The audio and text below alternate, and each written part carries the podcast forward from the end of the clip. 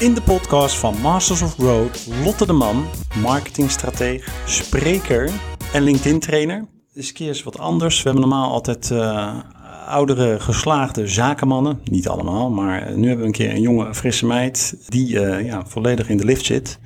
Welkom. Dankjewel. Voordat we verder gaan wil ik eerst even onze sponsor bedanken, www.geluk.com, voor elk moment het juiste geschenk. Lotte, nou, vier jaar geleden ja, kwam jij vers, uh, als ik het niet goed zeg, zeg het me, kom je vers van de HBO af en op dit moment zit je volledig in de lift. Op LinkedIn gaan bijna al je posts viral en uh, heb je zelfs een post met uh, anderhalf miljoen mm -hmm. weergaven, kijkers. Dat komt bereik nog. inderdaad. En bereik, dus dat is natuurlijk gigantisch. Je bent presentator, je spreekt al voor duizenden mensen. Vertel eens, hoe, heb je, ja, hoe krijg je dat allemaal voor elkaar? Wist je dat ook toen je van de HBO afkwam? Nee, ik had nooit kunnen denken dat het deze kant op ging. Uh, ik kwam van de HBO af, ik ging bij een klein marketingbureau werken. En eigenlijk vooral als social media content marketeer. Hartstikke leuk, maar ik wist ook al meteen na de eerste paar maanden, dit is leuk voor nu dit ga ik niet de rest van mijn leven doen. Ik dacht, ik moet die uitvoering uit. En ik wil veel meer op strategie-niveau uh, wil ik meedenken. En toen uh, dacht ik, oké, ik kwam heel veel in aanmerking met vooroordelen. Als ik ergens bij een nieuwe saleskansen over de vloer kwam, werd er nog veel te vaak gezegd: Oh, jij bent de stagiaire, toch? Dan dacht ik, ouch, uh, nee, ik ben hier gewoon in dienst. Toen dacht ik, als ik af wil van die vooroordelen, dan moet ik daar zelf wat aan gaan doen. Want zij gaan niet veranderen, logischerwijs. Um, toen dacht ik, nou, die content marketing, wat ik nu aan het doen ben voor bedrijven, zou ik dat ook niet gewoon voor mezelf kunnen doen? Want op Instagram werden mensen hartstikke groot. En toen dacht ik, Instagram gaat niet mijn platform zijn, want ik wil wel heel graag zakelijk blijven. En toen vond ik LinkedIn. Toen dacht ik, zo, saai zeg, LinkedIn.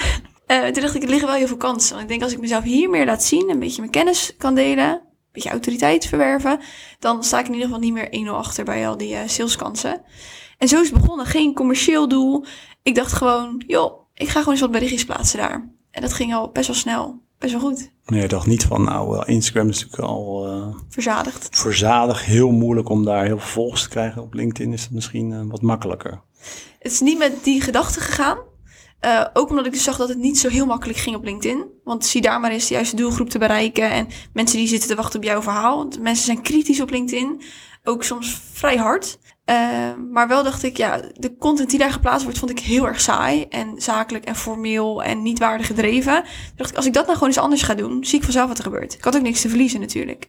Nee. En toen zag ik, als toen ik die strategie ging inzetten, strategie tussen aanhalingstekens hoor, want heel veel strategie zat er nog niet achter, werkte dat wel. Dus je had er wel over nagedacht van, nou, als ik het zo aanpak, dan uh, Ik ben heel veel gaan experimenteren. Ik ben ook heel veel op mijn bek gegaan op Rotterdams. Uh, door gewoon dingen te plaatsen die totaal niet binnen het platform pasten. Of eigenlijk helemaal niet pasten binnen hoe ik mezelf wilde profileren. Uh, om gewoon op die manier achter te komen. Om te denken, oké, okay, dit werkt niet. Op naar het volgende conceptje. En toen ben ik op die manier soort van erachter gekomen. Oh, dit zijn factoren die werken op dit platform. Laat ik dat eens gaan uitbreiden. Hey, en is het denk je een voordeel dat, ja, uh, je bent, hoe oud ben je? 24 hè? 25. 25. Ja, inmiddels. Oké. hoe lang geleden? 5 augustus. Oké. Okay. Uh, is dat een voordeel dat je jong bent, dat je misschien ook wat minder nadenkt van wat je post? En uh, ja, hoe werkt dat in uh, yeah. het brein van een 25 jaar? Dit klinkt echt als een oude lult. ja. fijn dat je het zelf zegt. Ja. nee, ik denk dat, een, dat ik er zeker goed over nadenk. En ik heb een duidelijke strategie voor ogen. Ik weet heel goed hoe ik mezelf wil profileren ik merk wel, omdat ik ook veel trainingen geef, is dat ik minder nadenk over de mogelijke gevolgen van zo'n post, dan dat iemand uit een wat oudere generatie misschien doet. Waar ik gewoon niet zo heel veel um, beren op de weg zie. Ik plaats zo'n post en als mensen het niet meer eens zijn, of mensen vinden het niet leuk, of hij doet het niet zo goed, dan denk ik, oké, okay, nou, dan heb ik weer van geleerd. doe ik de volgende keer anders. Ik denk dat andere generaties iets meer angst dat er zit voor wat nou als het schade oplevert aan mijn imago of mijn reputatie. Ja, en ik denk dat de jongere generaties, dat zie je ook met de TikTok-generatie, die, die voelen die angst gewoon veel minder. En die gaan gewoon. En je ziet ook dat er helemaal niet zoveel angsten nodig zijn, volgens mij. Eigenlijk door uh, veel te doen, ja. word je ook minder angstig. Absoluut. Net zoals op, in het openbaar spreken eigenlijk. Ook dat, ja. Iedere keer dat je dat doet, gaat het elke keer weer een klein beetje beter. Hey, en je hebt dus een post die uh, anderhalf miljoen keer bekeken is. Hoe doe je dat? Nou, er zijn een aantal posts. Ik zit bijna een beetje uh, arrogant te doen hier. Nee. Ja, okay. uh, het is gewoon een aantal posts die het goed doen, maar daardoor kan ik ook de factoren. Want als ik het op één post zou baseren, dan is het natuurlijk niet heel erg betrouwbaar. Maar als ik kijk naar de posts die hard zijn gegaan, dus die over die miljoen bereik hebben gehaald, zijn het allemaal posts die of inspelen op een actualiteit. Dus dat de, emotie heel hoog zit bij heel veel mensen. En het speelt altijd in op herkenbaarheid. Dus de nicheberichten die ik plaats, dus de berichten die heel specifiek gaan over personal branding of LinkedIn, is ook voor specifieke doelgroep interessant. Maar de berichten die ik plaats over generatieverschillen of verschillen tussen mannen en vrouwen, dat, dat is natuurlijk dat over. Um, dat gaat buiten alle grenzen van branches. Of je nou in de recruitment zit, of in de marketing, of in de administratie. Je kan het herkennen. En je ziet dat die berichten waarin mensen zich kunnen herkennen en iets van kunnen vinden, die gaan heel erg hard. Heb je een voorbeeld van? Wat, wat post je dan? Uh, nou, het allereerste bericht wat zo hard ging, was een bericht met de titel... Ja, ze vertelt waardevolle dingen, maar zo'n jong meisje kan ik toch niet echt serieus nemen? Dat gaat hard. De jonge meisjes herkennen zich erin. Maar ook de wat oudere meisjes, die denken, ja, dat was toen inderdaad zo. Maar ook de wat oudere mannen, die denken, ja, potverdikkie, dat gebeurt dus nog steeds. Dus er zijn zoveel generaties en uh, genders die hier wat van kunnen vinden. Ja, dat werkt gewoon heel goed. En ik heb dit niet geplaatst omdat ik dacht dat het viral zou gaan hoor. Dit zat me gewoon echt heel erg hoog. En op dat moment was ik helemaal nog niet bezig met bereik. En ja, toen... dat merkte ik er net al, omdat je zei van, oh, je wordt een stagiair genoemd. Dat, dat vond je vervelend. Ja, dat vond ik vervelend, inderdaad. En dat was dus met dit ook, weet je, dat je dan hoort van, ja, maar ik was toch waardevol. Wat maakt het nou uit dat ik dan een jong meisje was? En toen dacht ik, ik ga iets over plaatsen, want als ik dit meemaak, zijn er meer mensen die dit meemaken. Uh, en misschien kan ik voor iemand hier iets in doen. Of in ieder geval laten blijken dat zij niet de enige zijn die hier tegenaan lopen. En dat werkt dan. Ik hoor een soort bewijsdrang. Waar, eh, heb je dat? Of waar komt ja, dat vandaan? Ja, denk ik wel. Ik weet niet. Ik uh, heb altijd wel dat ik het gevoel heb dat ik tegen die vooroordelen wil laten zien van... Nou, ik, ik zal eens even laten zien hoe het echt zit. Ik weet niet precies waar het vandaan komt. Maar dat is misschien wel oorzaak dat je zo uh, ambitieus bent. Dat zou kunnen, ja. Want daar hebben we het nog niet over gehad. Want uh, we hebben het in het voorgesprek over gehad. Maar jij bent ambitieus. Ja, dat denk ik wel. En, en hoe, hoe, werkt dat in jouw uh, brein? Wat, wat wil je bereiken? Je komt, ik heb zelf een dochter van 19 mm -hmm. en mhm. die die zijn nog niet heel erg bezig met, uh, ja, wat ga ik met mijn carrière doen? De meesten weten het eigenlijk niet. Nee. Had jij veel klasgenoten die het wel, wel wisten? Of, uh... um, nee, ik denk dat veel klasgenoten toen bezig waren met opleiding afronden. En met een 5,5 is ook prima. Wat ik ook, ik had het denk ik ook lekker gevonden als ik dat had gehad. Ik heb veel sociaal leven inge, ingeruild in uh, de periode dat ik op school zat. Omdat ik gewoon wel altijd ergens heel graag wilde presteren weer. Prestatiedrang. Ja, toch die toch eens dieper op ingaan. Ja. Wordt bijna een soort psycholooggesprek dit. Ja. Um, nee, dat heb ik altijd wel gehad op school. Ook als we dan een project deden, dan ging ik of er 100% voor of ik deed gewoon niet. Dus ik ga niet iets voor 80% doen, want dan haal ik er zelf gewoon geen voldoening uit. Dus als we dan projecten deden, dan kon ik ook soms er gewoon 40 uur meer mee bezig zijn geweest aan mijn klasgenoten, als het een groepsproject was. Omdat ik gewoon heel graag wilde dat we dit goed deden. En dat heb ik altijd gehad, ook toen in mijn eerste baan. Altijd heel erg die drang om net mezelf ook uit te dagen, net een stapje verder te zetten. Te kijken hoe ver ik zelf kon gaan angst overwinnen. Daar ben ik altijd wel mee bezig geweest. Dat zit in je DNA? Ik denk het, ja. Want we willen natuurlijk in de podcast van Master of Growth... willen we natuurlijk die... Ja, hoe, hoe kan het nou dat die dat bereikt en, en, en waarom en hoe? Maar bij jou is het dus echt uh, DNA. Niet aangeleerd. Ik de, weet niet of het aangeleerd is. Ik denk dat alles, elk gedrag waar ergens vandaan komt... ook wel door situaties die je meemaakt of door... Uh, ik heb bijvoorbeeld een broertje die uh, voetbalt op hoog niveau... Die is altijd super sportief geweest en die is er altijd heel goed in geweest. Talent, echt, kan je zeggen. Ik had het idee dat ik het talent een beetje ontbrak. Dus ik deed gewoon heel hard werken ergens voor. En dan haalde ik ook hetzelfde resultaat. Maar ik denk dat dat altijd vanaf jongs af aan wel uh, mee heeft gespeeld. Persoonlijke post. Ik zie dat ook. En dan zie ik daar uh, honderden commentaren op staan. Ik denk zo, dat is, uh, mensen zijn, vinden dat interessant. Maar yeah. dan vraag ik me af, ja, ja. Hoe uh, gaat daar de kachel van branden van deze uh, commentaren?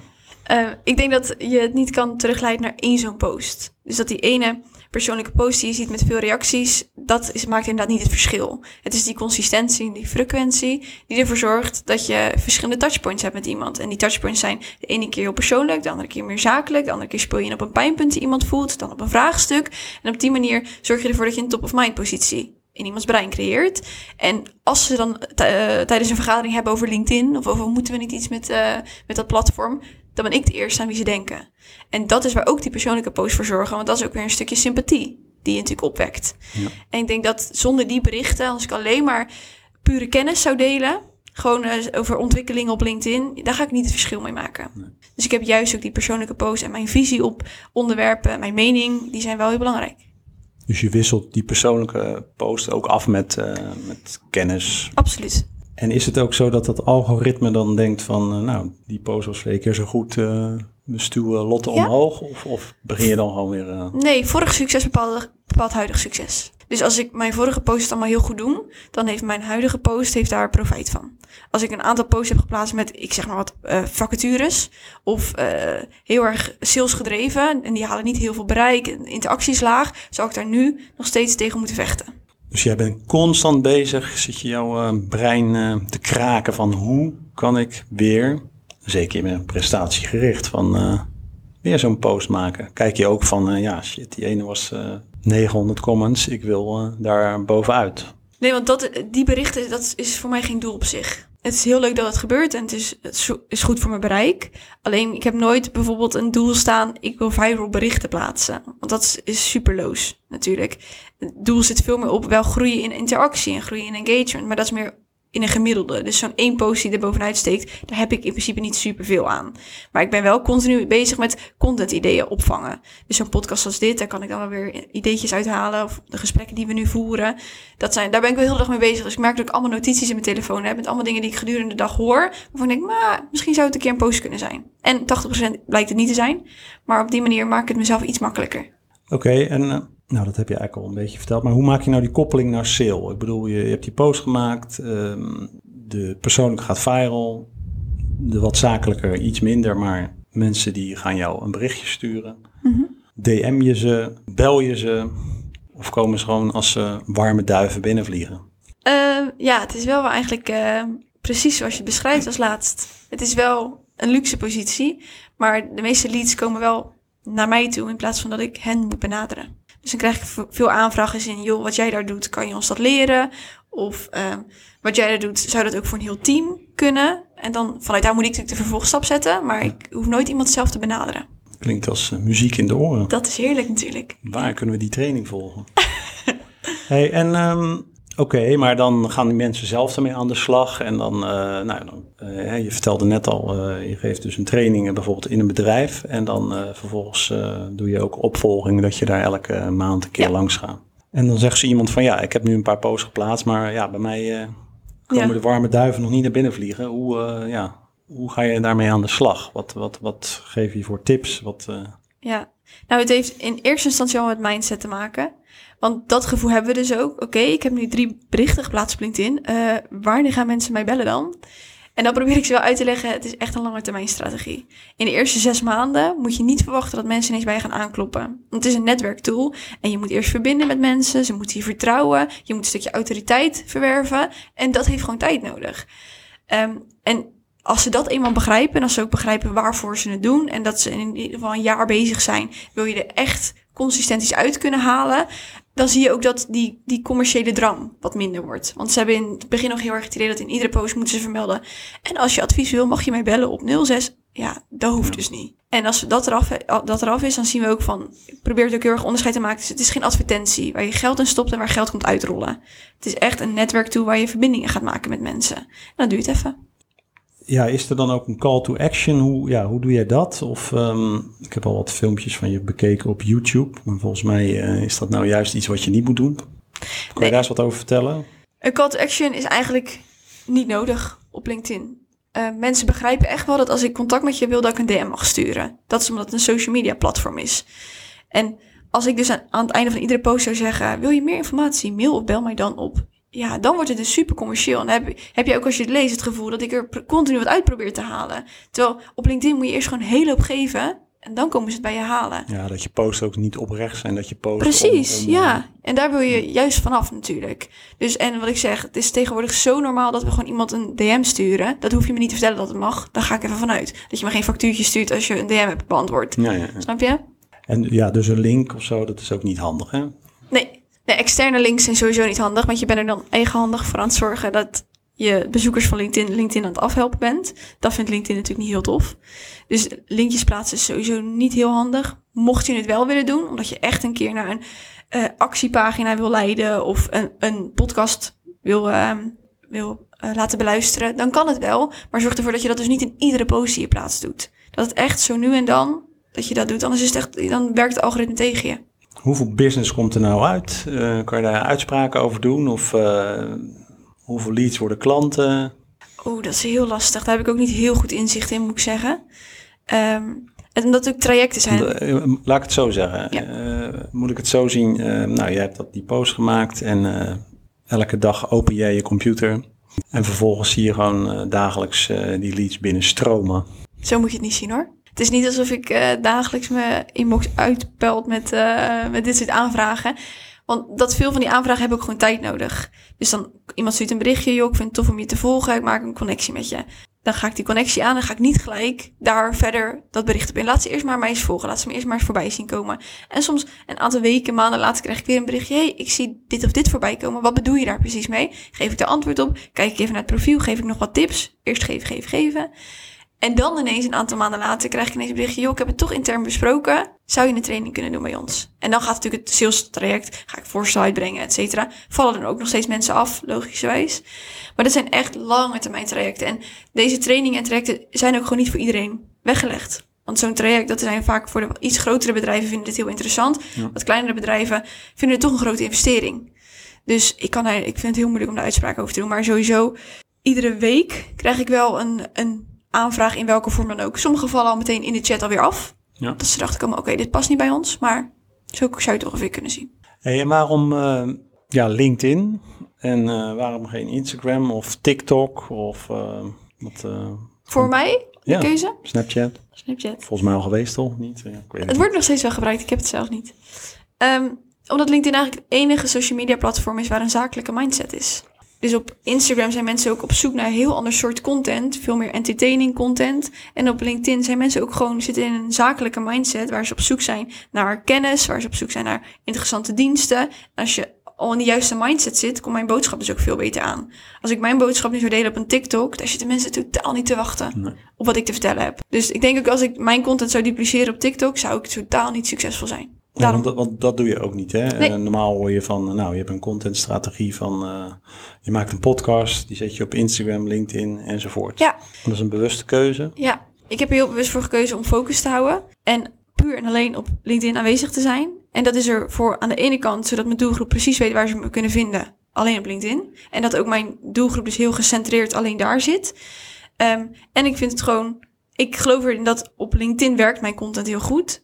En als ik dit zou dupliceren en op Instagram en TikTok en Snapchat zou plakken, dan versplintert het zo. En daar is die content ook gewoon niet voor gecreëerd. Dus ik vind ook dat als ik wel op Instagram zou willen zitten, dat ik daar ander soort content voor zou moeten maken. En die tijdsinvestering, die ga ik niet doen. Hey, en ehm, nou ja, goed, dat zal niet zo snel gebeuren, maar als LinkedIn, en net zoals eh, bijvoorbeeld Twitter, nou ja, misschien zijn dat verkeerde voorbeelden, maar eh, minder wordt en eh, jij hebt daar volop ingezet. Ja, daar heb ik een probleem.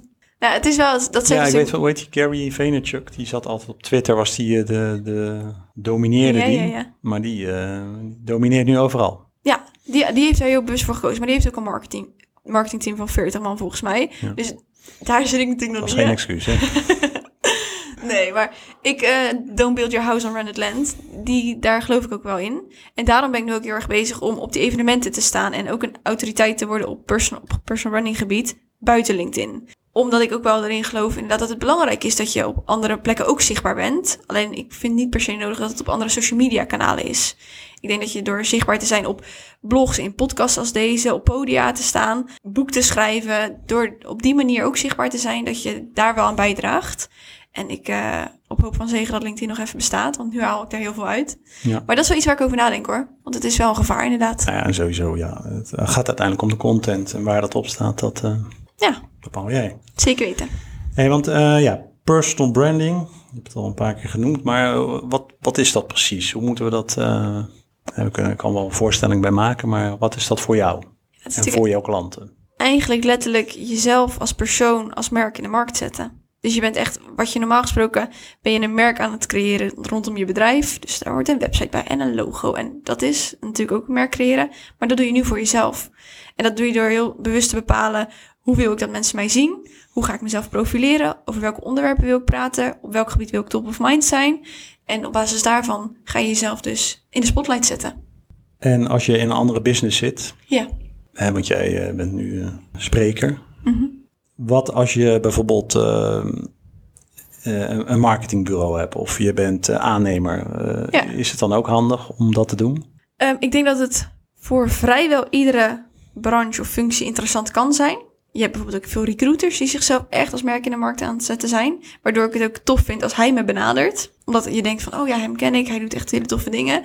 Eh, ik weet niet als, of je als aannemer op LinkedIn je plek gaat vinden. Maar misschien wel op een ander platform. Maar ik denk dat iedereen al een personal brand is. Alleen je doet nog niet aan personal branding. Dus dat is het enige verschil. En ik denk dat je in welke functie ook zit, je hier heel veel baat bij kan hebben. Als je ook het intrinsiek de motivatie hebt om dit te doen. Als je het spannend vindt om jezelf online te profileren. Als je niet zit te wachten op al die reacties. Als social media eigenlijk al niet je ding is. Als je zelf vrij introvert bent. Dan wordt het wel trek aan een doodpaard. Dat merk ik in trainingen nu ook. Ja, daar hadden we het net ook al over. Als je introvert bent. Maar ja, goed, dan zijn alle introverte mensen die... eh, Nee, zeker niet. Als je introvert bent en je hebt wel de intrinsieke motivatie om jezelf te laten zien, dan ga- ga je zeker manieren vinden om dat te doen. Maar als je die motivatie niet hebt, ik geef ook trainingen aan grote groepen en er vallen er altijd een aantal af, die gewoon zeggen, ja, dit past gewoon niet bij me. Ik vind het gewoon niet fijn om mezelf zo te laten zien en dat mensen daar wat van vinden. Ik ben gewoon liever op de achtergrond. Ik zit op de financiële afdeling. Ik hoef mezelf niet zo graag zo in de spotlight te zetten. Dan ben ik de laatste die zegt dat je dat moet gaan doen. En zo iemand die op de financiële afdeling zit, moet hij dan, ehm, nou met deze Excel-lijst kan je binnen no time je belastingaangifte doen. Nee. Trouwens ook heel ouderwets. Nee, dit, eh, die persoon die zat nu meer op. eh, het ging over een wervingsvraagstuk. Dat was zijn doelstelling. En dat was voor zijn afdeling. Eh, en hij had het veel meer over de carrièrekansen binnen dat bedrijf voor die afdeling. En welke ontwikkelingen die je in de markt ziet. En over dat soort zaken. En hij was eh jong professional. Dus waar liep hij nu zelf tegenaan? Dus er zat een hele mooie invalshoek hoor voor hem. En je hoeft zeker niet inhoudelijk over je werk te gaan vertellen hoe je een Excel-sheet invult. om waardevol te zijn op de tijdlijn. Ja, ik, bedoel misschien meer van wat zou zo'n persoon dan die introvert is, wat zou die kunnen plaatsen? Om toch, eh, Ja, dat is heel afhankelijk, want er zijn natuurlijk honderdduizend mensen introvert, maar al die personen zijn weer zo uniek. Dus daar gaan we altijd echt wel strategisch kijken naar, nou, wat zou er nou wel bij jou passen? Een video past misschien gewoon niet zo heel lekker bij je, maar wel een inhoudelijke blog schrijven waar je veel meer de diepgang kan vinden, dat misschien wel. En dan plaats je bijvoorbeeld niet zo consistent dat je twee keer in de week zichtbaar hoeft te zijn, maar door één keer in de maand een bericht te plaatsen, ga je niet de zichtbaarheid en de autoriteit verwerven waar ik mijn doelstellingen op heb gezet. Maar ga je wel bijdragen aan de bedrijfsdoelstellingen. Dus dat je een representatief profiel hebt. En dat als mensen je vinden, dat er inhoudelijk ook wat waarde te vinden is. nou je bent dus ook marketingstrateeg. Mhm. Wat is de perfecte marketingstrategie? Daar kan ik geen antwoord op geven. Waarom niet? Omdat ieder vraagstuk natuurlijk een eigen strategie nodig heeft. En of je een wervingsvraagstuk hebt of een salesvraagstuk, daar verschilt de strategie alweer zo enorm. En wie je doelgroep is, heel bepalend. Hey, een eh, vraag van onze sponsor, www.geluk.com. Wanneer is geluk nou een factor geweest in jouw eh, carrière? Vragen we dan altijd. Nou, voor jou is die eh, nog kort, maar Ja. wat was nou het moment dat je dacht, nou, dat, dat, toen zat het mee en toen is het eigenlijk gaan vliegen, zeg maar. Nou, ik denk wel dat ik schreef inmiddels een jaar geleden bijna de doelen voor mezelf, nieuwe doelen voor mezelf op. Dat doe ik dus ieder jaar. En een van die doelen was, ik wil op een podium staan, zo groot als dat van IMU. Ik durfde niet op te schrijven IMU, dat voelde te ver van mijn bed. Eh, en praten over personal branding. Dat had ik als doel opgeschreven. Ik, kon er geen actiepunten voor mezelf aan koppelen, want ik wist niet hoe ik daar ging komen. Maar ik dacht, als ik het in ieder geval voor mezelf helder heb dat ik dat wil, wellicht dat ik er kom ergens in de komende jaren. En nog een half jaar later kreeg ik van Tony Loorbach, eigenaar van, eh, mede-eigenaar van eh, IMU, een berichtje. Joh, wij waren aan het brainstormen over onze sprekers van komend jaar. Zou je interesse hebben? Dat zijn geluksmomenten voor mij. Dat ik denk, wow, ik, ik schreef dat op. Omdat het echt een, een soort van vijfjarenplan was. En binnen een half jaar mag ik daar nu ineens staan. En dat ik ook echt tegen hem zei, ik weet niet waar je het vertrouwen vandaan had om mij daar neer te zetten. Want je hebt me nog nooit zien spreken. Eh, maar ja, natuurlijk wil ik dat. En toen zei ja, als we potentie zien, dan eh, geloven we daarin. Mooi. En is dat ook waar je dan nu ook heel erg in gelooft? Dat, eh, want dat zie je dus bij heel veel ondernemers. Ik heb heel veel ondernemers gesproken die heel hard gegroeid zijn en die zien het eigenlijk voor zich. Ja. Of die schrijven het op. Ja, ik, dat heb ik eigenlijk altijd wel gedaan. Gewoon een soort van, nou niet per se visualiseren. Sommige mensen maken ook echt storyboards bijvoorbeeld, om het echt visueel te maken. Dat doe ik niet. Maar ik probeer wel echt hele duidelijke doelen te stellen. Hoe groot ze ook zijn van die big fat hairy goals. En daar actiepunten aan te hangen. Want een doel op zich vind ik nog best wel loos. Maar wel te kijken voor mezelf, hoe kan ik daar iedere maand een klein beetje aan bijdragen.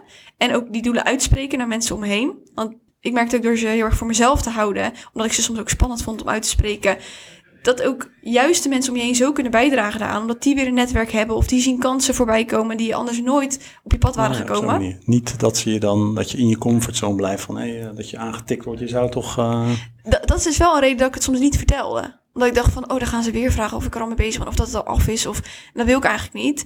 Maar door het nu ju- juist wel te doen, zijn zij ook af en toe mijn stok achter de deur. En zorgen ze er dus echt voor dat ik kansen heb gekregen die ik anders niet had gehad. En heb je heel veel het gevoel dat je uit je comfortzone moet voor je doelen? Ja. Ja, en ik weet niet of dat in mijn comfortzone is, maar wel als ik iets heel erg spannend vind om te doen, is het vaak voor mij juist een teken van, dan is het waarschijnlijk de goede stap om te zetten. Dat zeggen ze ja. Maar dan heb je ook echt zo van, eh, dan ga ik het ook. Voelt zo. eh, Ja, dit voelt zo ik wil oncomfortabel. eigenlijk nu onder mijn dekbed, maar Ja. ik ga ervoor. dan ga ik het juist doen. En ik eh, las pas een quote van Will Smith, was het volgens mij. En die zei, eh, eh, als je ergens bang bent om het voor te doen, doe het dan gewoon bang. Toen dacht ik ook, ja, dat is, we zijn vaak meer bang voor de angst... dan dat we bang zijn voor hetgeen wat we willen doen.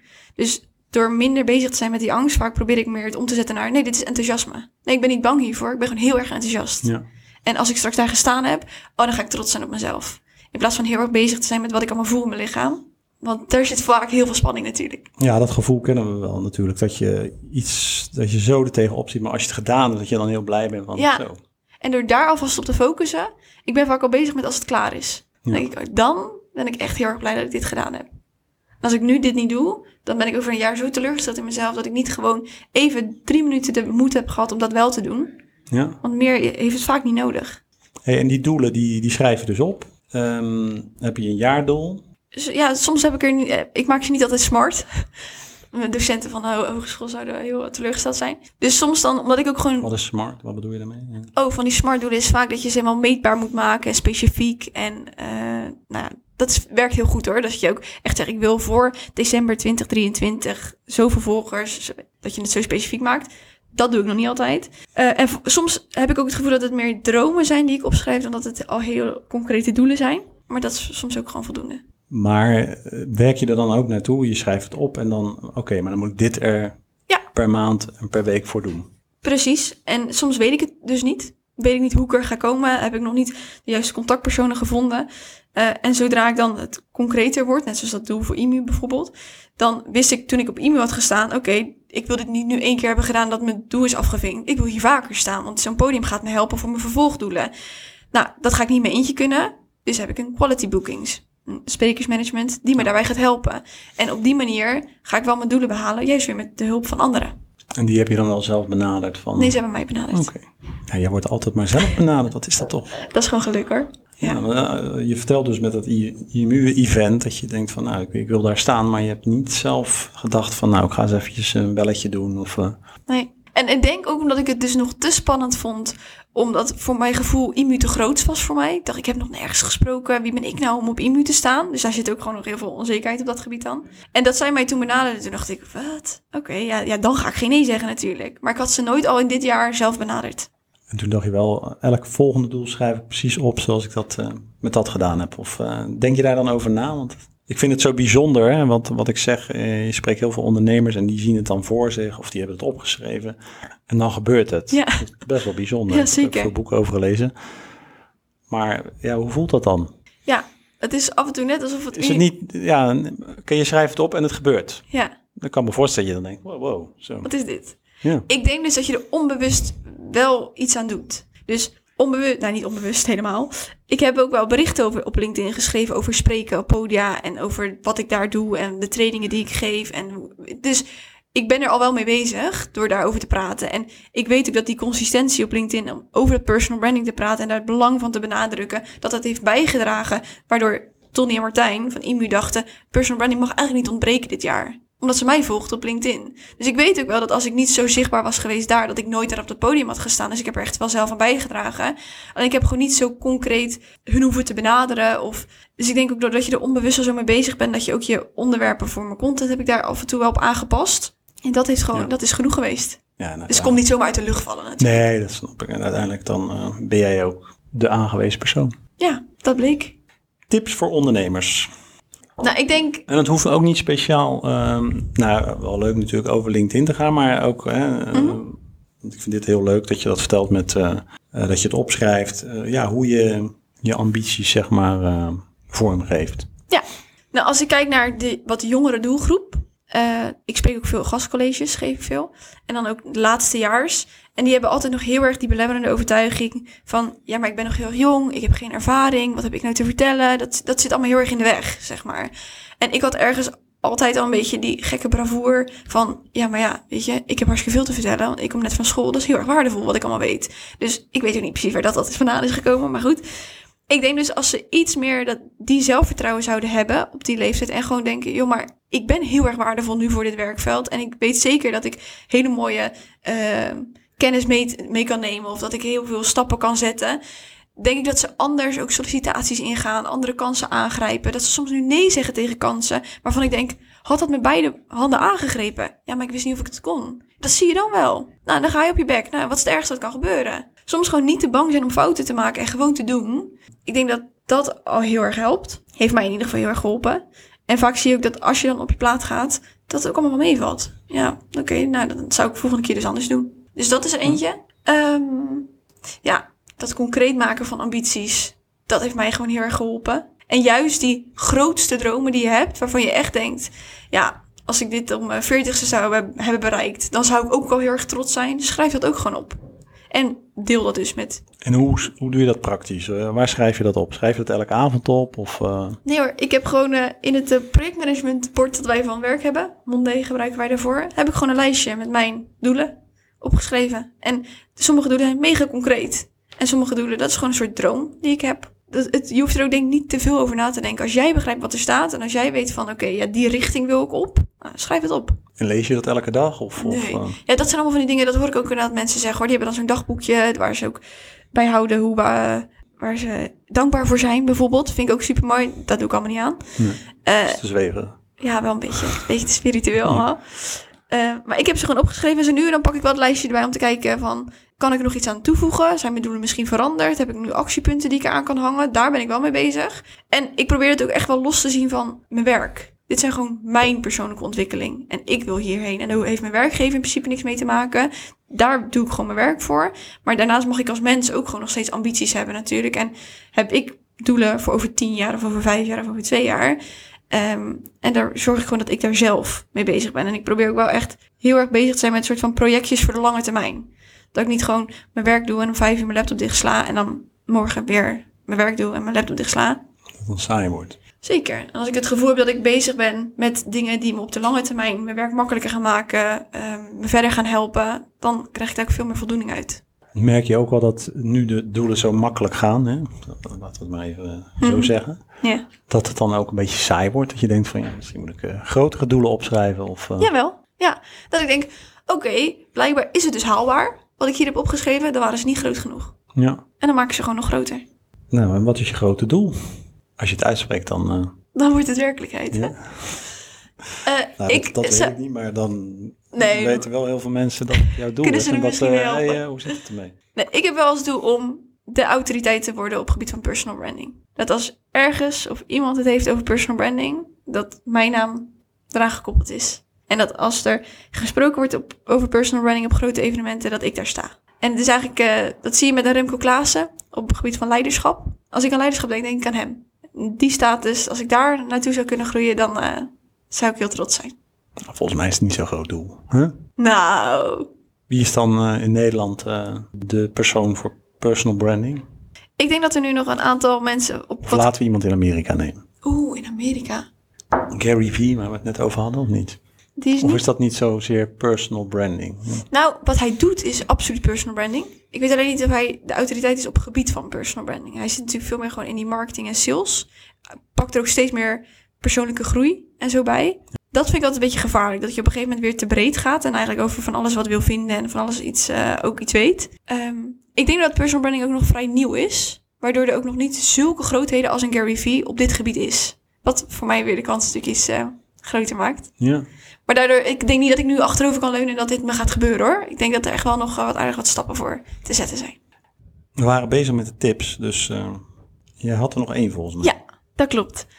En dat is omdat ik er zelf in het begin heel erg tegenaan liep. Toen ik van, vanuit school kwam en ging werken. En toen ik voor mezelf een beetje die ambitie kreeg voor LinkedIn. Dat ik dacht van oké, volgens mij kan het iets worden. En ik ging mezelf online laten zien.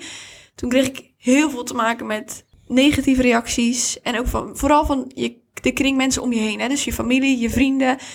eh, Die gewoon niet begrijpen wat je aan het doen bent. Die, ik ben ineens mezelf op LinkedIn aan het laten zien. Ik ben filmpjes aan het plaatsen. Ik heb het ineens in de kroeg over waar ik allemaal heen wil. En wat voor, voor doel ik voor ogen heb. En ze dachten allemaal, waar de fuck ben jij mee bezig? Letterlijk. En als ik dan binnenkwam was het, oh, heb je weer filmpjes geplaatst? Waar had je weer aandacht tekort? Dat soort opmerkingen continu. Niemand die eigenlijk echt weet waar je nou mee bezig bent. En dat is voor heel veel mensen een punt om te stoppen. Dat merk ik nu in mijn training ook. Dat mensen zeggen, ja, ja, mensen om me heen vinden het een beetje vervelend. Dus eh, ik ga even wat minder plaatsen. Maar wisten ze dan niet dat jij al zo was? Of, eh, Dat ik al zo was. Nou ja, dat je al zo outgoing was. Of ja, werd het helemaal duidelijk op LinkedIn. Nee, niet alleen op LinkedIn, maar die zakelijke doelstellingen en dat ik daar zo concreet mee bezig was. eh, dat was voor hun wel nieuw, denk ik. Ik heb het altijd heel erg voor mezelf gehouden. Op school ook wel. Ze wisten wel dat ik hard werkte voor mijn dingen. Maar waarschijnlijk als je het zei, dan was het altijd zo ja, ja. We zien het wel, We zien hè? het wel, hè? Laten Doe we dat maar, nog maar eens aankijken. Ja. ja. precies. En toen ik dus begon, je, dan heb je wel al die mooie praatjes. Alleen er zit er geen resultaat aan verbonden. Want in het begin hou je er niks uit. Nee. Dus ze dachten, wat is die aan het doen, joh? En daar overheen stappen en heel erg blijven geloven in die eigen doelen die je hebt. En gewoon denken van, ja, jullie zien het wel over een jaar. Maar ik geloof hier echt in. En dat consistent blijven doorzetten. Dan zie je dat je twee jaar later de kroeg in komt lopen. En dat mensen zeggen, zo, wat jij doet op LinkedIn is tof, man. Echt leuk om te zien. Dan denk ik, Ja. mhm. Nou, had je twee jaar geleden moeten Ja, dat horen. is altijd later. Ja, dat, eh. Ja. Nee, maar dus, ja, mensen die van je houden, en dat, dat, eh, dat merk je natuurlijk altijd, die hebben het beste met je voor en die willen Zeker. niet dat je op je bek gaat. Ja, En Niet dat je dus jezelf het, is- het is helemaal niet, eh, helemaal niet slecht eigenlijk. Zeker niet. Maar het is wel heel goed dat je dat zegt, dat je dat negeert. Ja, ja, je mag ook, als het echt feedback is, moet je er zeker, kun je er wat mee doen natuurlijk. Maar sommige mensen die, ja, die begrijpen Maar de mensen die dat zeiden, en, eh, en je staat al voor, het IMU-event voor duizenden mensen, eh, zeggen die dan nu van, eh, oh, Mhm. nou, Zeker. ik geloof toch wel, zullen ze nooit zeggen, die stomme filmpjes zijn toch wel, wel leuk van je. Ja. ja, nee, dat zullen ze dan niet zeggen. Ze zullen ze het niet terugpakken. Maar die vinden het nu ineens tof en dan willen ze er alles over weten. Hoe ik hier dan zo gekomen ben. En hoe ik hier gekomen ben, is dat ik twee jaar geleden wel gewoon door ben gegaan. Ja. Toen jij zei dat ik heel stom bezig was. Die vertellen nu op verjaardagen van, ja, Die ken ik. ken Lotte de Man. Ja, dat is grappig hoe dat gaat. Was dat je laatste tip of heb je er nog eentje? Want het is wel eh, waardevol, want we krijgen, eh, nogmaals, we krijgen meestal tips van mensen die al heel lang bezig zijn. Dus het is juist leuk Ja. om het van jou te horen. Ja, ik denk dat nou, als soort laatste tip, het gewoon het allerbelangrijkste is dat je wel dicht bij jezelf blijft. En dat zie je zeker als je met social media aan de slag gaat, in welke vorm dan ook, op welk platform dan ook, dat je soms heel erg geneigd bent om een weg in te slaan die succesvol lijkt. Omdat daar veel likes op komen, of omdat ander, bij anderen dat goed werkt. Of, en ik denk dat je, als je dat gaat doen, dat je zo ver van jezelf afgaat en ook zo jezelf daarin kwijt kan raken en het perfecte plaatje aan het schetsen bent, eh, dat je daar op lange termijn niks uit gaat halen. Nee, dat hou je niet vol ook Dat hou je niet vol. En ik denk juist ook door online, als je met personal branding aan de slag gaat, juist ook die keerzijde van de medaille te delen. En ook te delen dat je af en toe niet weet wat je aan het doen bent. En dat je af en toe eh, op je bek gaat en eh, daarvan geleerd hebt. Of dat je. Ik denk dat dat gewoon heel goed werkt en dat dat ook het menselijk houdt. Want anders ben je gewoon een soort social media poppetje. Ja. Waarbij het allemaal in de perfecte wereld eh, leeft. Eh, ik denk dat mensen het juist heel erg waarderen. Dat je gewoon die echtheid ook laat zien, hoe spannend dat soms ook is. Maar dat is denk ik de kracht van kwetsbaarheid. Blijf bij jezelf. Nou, vind ik een mooie afsluiter. Ik wil jou hartelijk danken voor dit eh, inspirerende gesprek. En uiteraard wil ik ook onze sponsor bedanken, www.geluk.com, voor elk moment het juiste geschenk. Ja, bedankt.